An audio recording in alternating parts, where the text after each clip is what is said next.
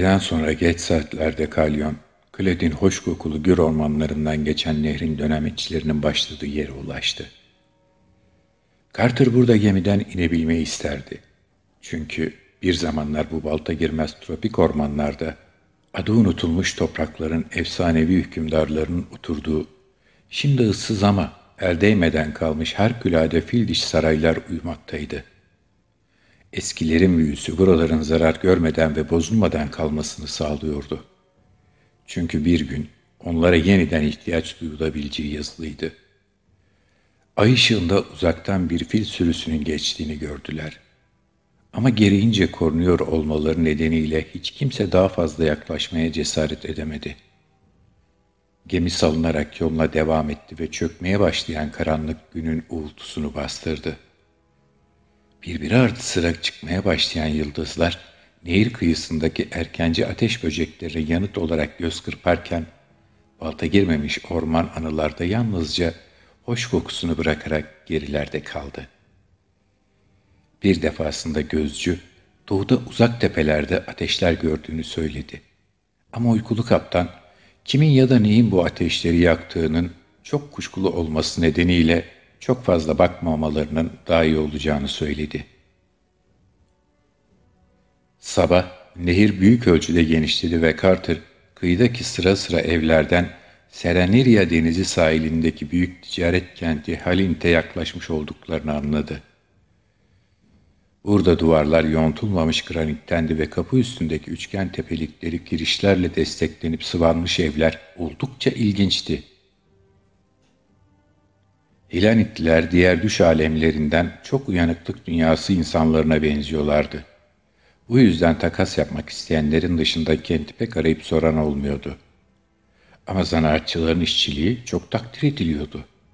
Hilanit'in rıhtımları meşedendi ve gemi, rıhtımda beklerken kaptan meyhanelerde alışveriş yaptı.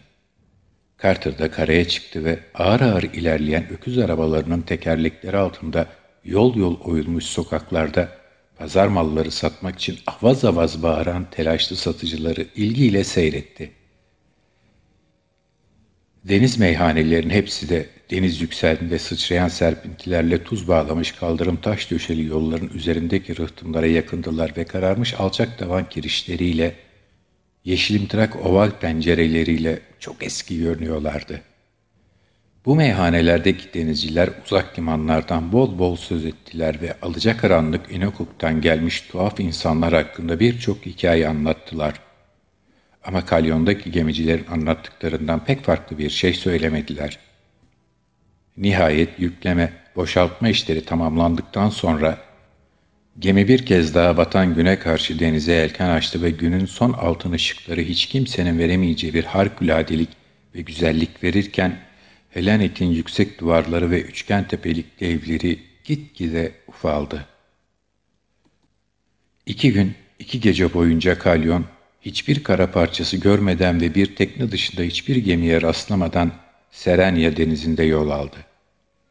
Sonra ikinci gün, gün batımına yakın, yamaçlarının alt kesimlerinde ginko ağaçları dalgalanan Kral Aran dorukları ileride hayal gibi belirdi.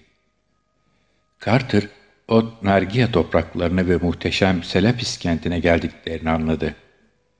Bu hayal kentinin parıl parıl parlayan minareleri, bronz heykellerle süslenmiş tertemiz mermer duvarları ve Naraksa'nın denizle birleştiği yerdeki büyük taş köprü çok geçmeden gözler önüne serildi. Kentin arkasında üzerinde küçük türbeler ve kulübeler bulunan çiriş otu koruları ve bahçeleriyle alçak tepeler yükseliyor, daha uzaklarda etkileyici ve gizemli mor tanarya sırtları göze çarpıyordu. Bu dağların ötesinde uyanıklık dünyasına ve düş aleminin diğer bölgelerine giden yasak yollar uzanıyordu. Liman, bazıları denizin gökyüzüyle buluştuğu yerin ötesinde uzanan göksel bölgede yer alan mermer Serenya hayal kentinden, bazıları düş aleminin daha önemli bölgelerinden türlü renklerle boyalı çektiriklerle doluydu. Dümenci bu çektirikler arasında yol bulup ilerledi ve kentin milyonlarca ışığı karanlıkta sularda yanıp sönerken kadırga baharat kokulu rıhtıma yanaşıp durdu. Bu ölümsüz hayal kent her daim yepyeni görünüyordu. Çünkü burada zamanın eskitme ya da yıkma gücü yoktu. Nat Horat'ın turkuazı hali yerli yerindeydi. Ve 80 orkideli çelenkli rahipler 10 bin yıl önce kenti kuran aynı rahiplerdi. Büyük bronz kapılar yine ilk günkü gibi parlıyordu. Damarlı akik kaldırımlarsa ne aşınmış ne de kırılmıştı. Ve duvarlardaki bronz heykeller efsanelerden daha eski ama yine de sakallarında bir tek beyaz kıl bulunmayan tüccarlar ve deve sürücülere bakıyordu. Carter tapınağı, sarayı ya da hisarı aramaya kalkışmadı hemen. Deniz kıyısındaki duvarın dibinde tüccarların ve gemicilerin arasında kaldı. Vakit ilerleyip de artık kimsenin hikaye anlatacak hali kalmadığında çok iyi bildiği eski bir hanı aramaya çıktı ve aradığı bilinmeyen Kadat'ın tanrılarının düşünü görecek geceyi orada geçirdi. Ertesi gün Inokonklu tuhaf denizcileri aramak için bütün rıhtımları dolaştı. Ama limanda hiçbir inokoklu bulunmadığını, kuzeyden gelecek olan çektiklerin iki haftadan önce beklenmediğini söylediler. Ama Carter, Inokuk'ta bulunmuş ve bu alacakaranlık yerin damarlı akik ocaklarında çalışmış, Trovanyalı bir gemici buldu ve bu gemici, insanların yerleşmiş olduğu bölgenin kuzeyine elbette ki herkesin korkup uzak durduğu bir iniş yolu olduğunu söyledi. Trovanyalı, kimsenin kullanmadığı bu ıssız geçidin korkunç Lenk yaylasını çevreleyen geçit vermez dorukların en yüksek kenarından geçtiği ve bu yüzden insanların korktuğu fikrindeydi. Ayrıca kötü varlıkların ve atsız nöbetçilerin bulunduğuna ilişkin daha başka söylentiler de olduğunu kabul etti. Buranın bilinmeyen Kadat'ın bulunduğu ünlü çöl olup olmadığını bilmiyordu. Ama bu varlıklar ve nöbetçiler, tabii eğer varlarsa, oraya boşuna dikilmiş değillerdi ya. Ertesi gün Carter, Sütunlu Sokak'tan Turkuaz Tapınağı çıkıp başrahiple konuştu. Her ne kadar Selapis'te esas olarak Nadhortat'ta tapınılıyorsa da günlük dualarda bütün yücelerin adı anılıyordu ve rahip kendi usullerinde oldukça bilgiliydi.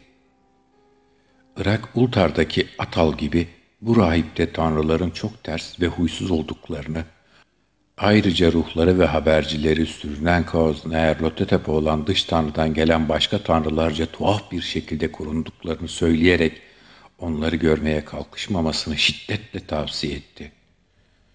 Olağanüstü gün batımı kentini kıskançlıkla gizlemeleri, Carter'ın oraya ulaşmasını istemediklerini açıkça göstermekteydi ve amacı kendilerini görüp ricada bulunmak olan birine ne gözle bakacaklarıysa bilinmiyordu. Kadat'ı geçmişte hiç kimse bulamamıştı ve öyle görünüyordu ki gelecekte de kimse bulamayacaktı. Yücelerin damarlı akik şatoları ile ilgili söylentiler pek güvence verici değildi. Orkide taçlı baş rahibe teşekkür ettikten sonra Carter tapınaktan ayrıldı ve Seraps'in kedilerinin eski reisin ipek gibi parlak ve kendinden hoşnut oturduğu koyun kasaplarının pazarını aramaya gitti. Gri renkli ve vakarlı varlık damarlı akitten kaldırımda güneşleniyordu ve konuyu yaklaşırken patisini mecalsizce kaldırdı. Ama Carter, Ultar'ın yaşlı general kedisi tarafından kendisine verilen parolayı ve bilgileri tekrarladığında tüylü hükümran daha içten davranmaya başladı. Çenesi açıldı ve Otnargia'nın denize bakan yamacında yaşayan kedilerce bilinen gizli bilgilerin çoğunu Carter'a anlattı.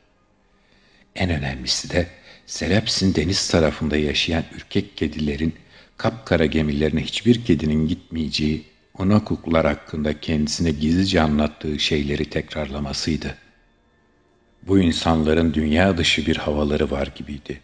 Ama hiçbir kedinin gemilerine adım atmamasının nedeni bu değildi. Bunun nedeni Inokok'un hiçbir kedinin dayanamayacağı gölgeler barındırmasıydı. Bu yüzden bu soğuk, alacakaranlık ülkesinde hiçbir neşeli mırıltı ya da basit miyavlama duyulmazdı. Rüzgarın varsayımsal renkten geçit vermez doruklara taşıdığı şeyler yüzünden mi, yoksa dondurucu çölden kuzeye doğru süzülen şeyler yüzünden mi olduğunu hiç kimse söyleyemezdi ama bu uzak topraklarda kedilerin sevmediği ve kedilerin insanlara göre daha duyarlı olduğu dış uzaydan bir şeyler bulunduğu bir gerçekti. Bu yüzden kediler İnekok'un bazalt rıhtımlarına doğru yelken açan kapkara gemilere binmezlerdi.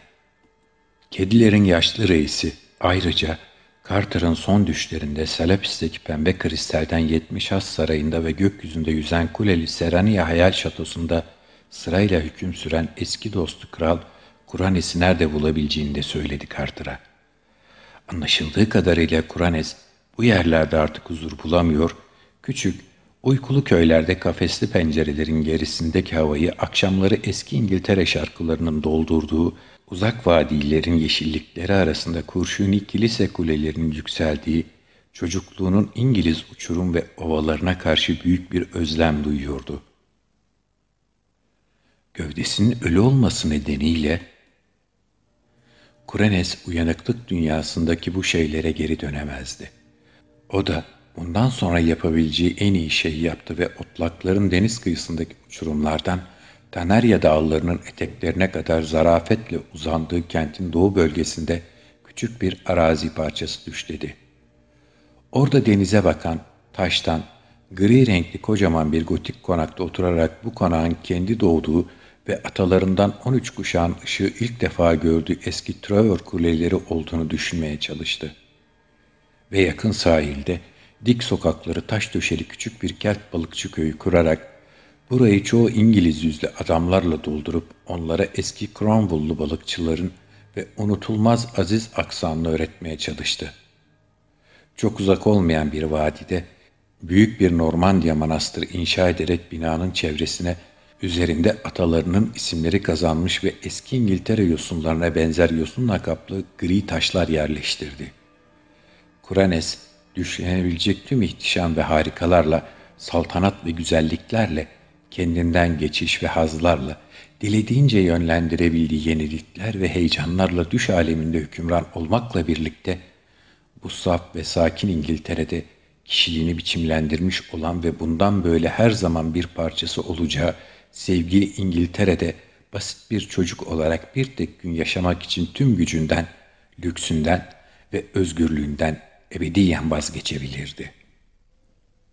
Böylece Carter kedilerin bu kül rengi yaşlı reisine veda ettikten sonra pembe kristalden Taraçalı Sarayı aramayıp doğu kapısından çıktı ve papatya kesmiş tarlalardan geçerek deniz kıyısındaki uçurumların yamacındaki bir parkın meşeleri arasından gözüne çarpan sivri bir çatıya doğru yürüdü.